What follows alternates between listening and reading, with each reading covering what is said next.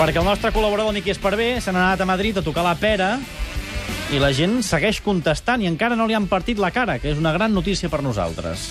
Los jugadores catalanes de la selección española han dicho en un comunicado que la Eurocopa ha sido el último título que disputarán con la Roja. A ¡Vamos! partir de la próxima temporada quieren centrarse en levantar la selección catalana hasta hacerla oficial. Una ciutat de Déu. ¿A ti qué te parece eso?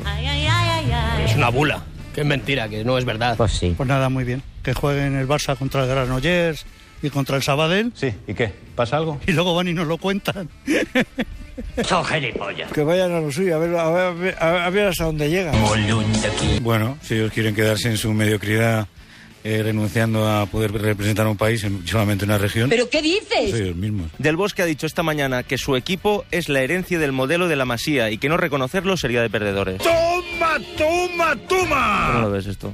Bueno, la Masía con Casillas, con Ramos y compañía. Si te ofrecen droga, simplemente dino. Esa es la Masía de la Castellana. Yo creo que el del Bosque es un entrenador bastante bueno, bueno, bueno. Sí, es bueno. Figúrate que yo creo que tenía que ser presidente de gobierno. Caramba, no me digas. Porque por lo menos ganaríamos algo. Las rojas no solo son lo- los catalanes. ¿Seguro? Que con eso no solucionan eh, la selección española ni nada, ¿me entiendes? Del Bosque, president del govern. Bé, que cadascú pensi el que vulgui. Perquè el Niquis per bé no en té prou i hi ha una segona ració de preguntes estranyes als madrilenys que més o menys van, van torejant. Te voy a dar tres opciones de cambio de cromos, de fichajes así cambiados y a ver a- con cuál te quedas. Vamos allá, No vale eso, no me quedo con ninguna. ¿Está claro? Primera opción. Iker Casillas ficha para el Barça, pero Guardiola para el Madrid. Prácticamente imposible. Segunda opción.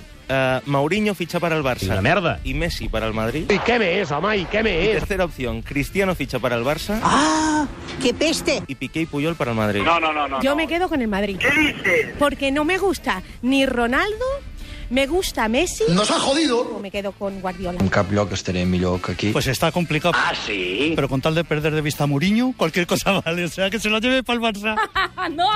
Que se queden como están, ¿me entiendes? Y cada uno con la suya. bien, muchas gracias. no me convence ninguna, Ninguna de las tres, ¿eh? ninguna de las tres. ¿Ofrece alguna usted o qué? Pues que se queden los 11 que tiene el Barcelona de titulares y los 11 que tiene el Madrid, a ver este año qué pasa. Para despedir el reportaje, siempre me lo despide alguien, se trata solo de que repitas unas palabras en catalán conmigo, ¿vale? Mm, Va a ser que no. O sea, no quieres decirlo.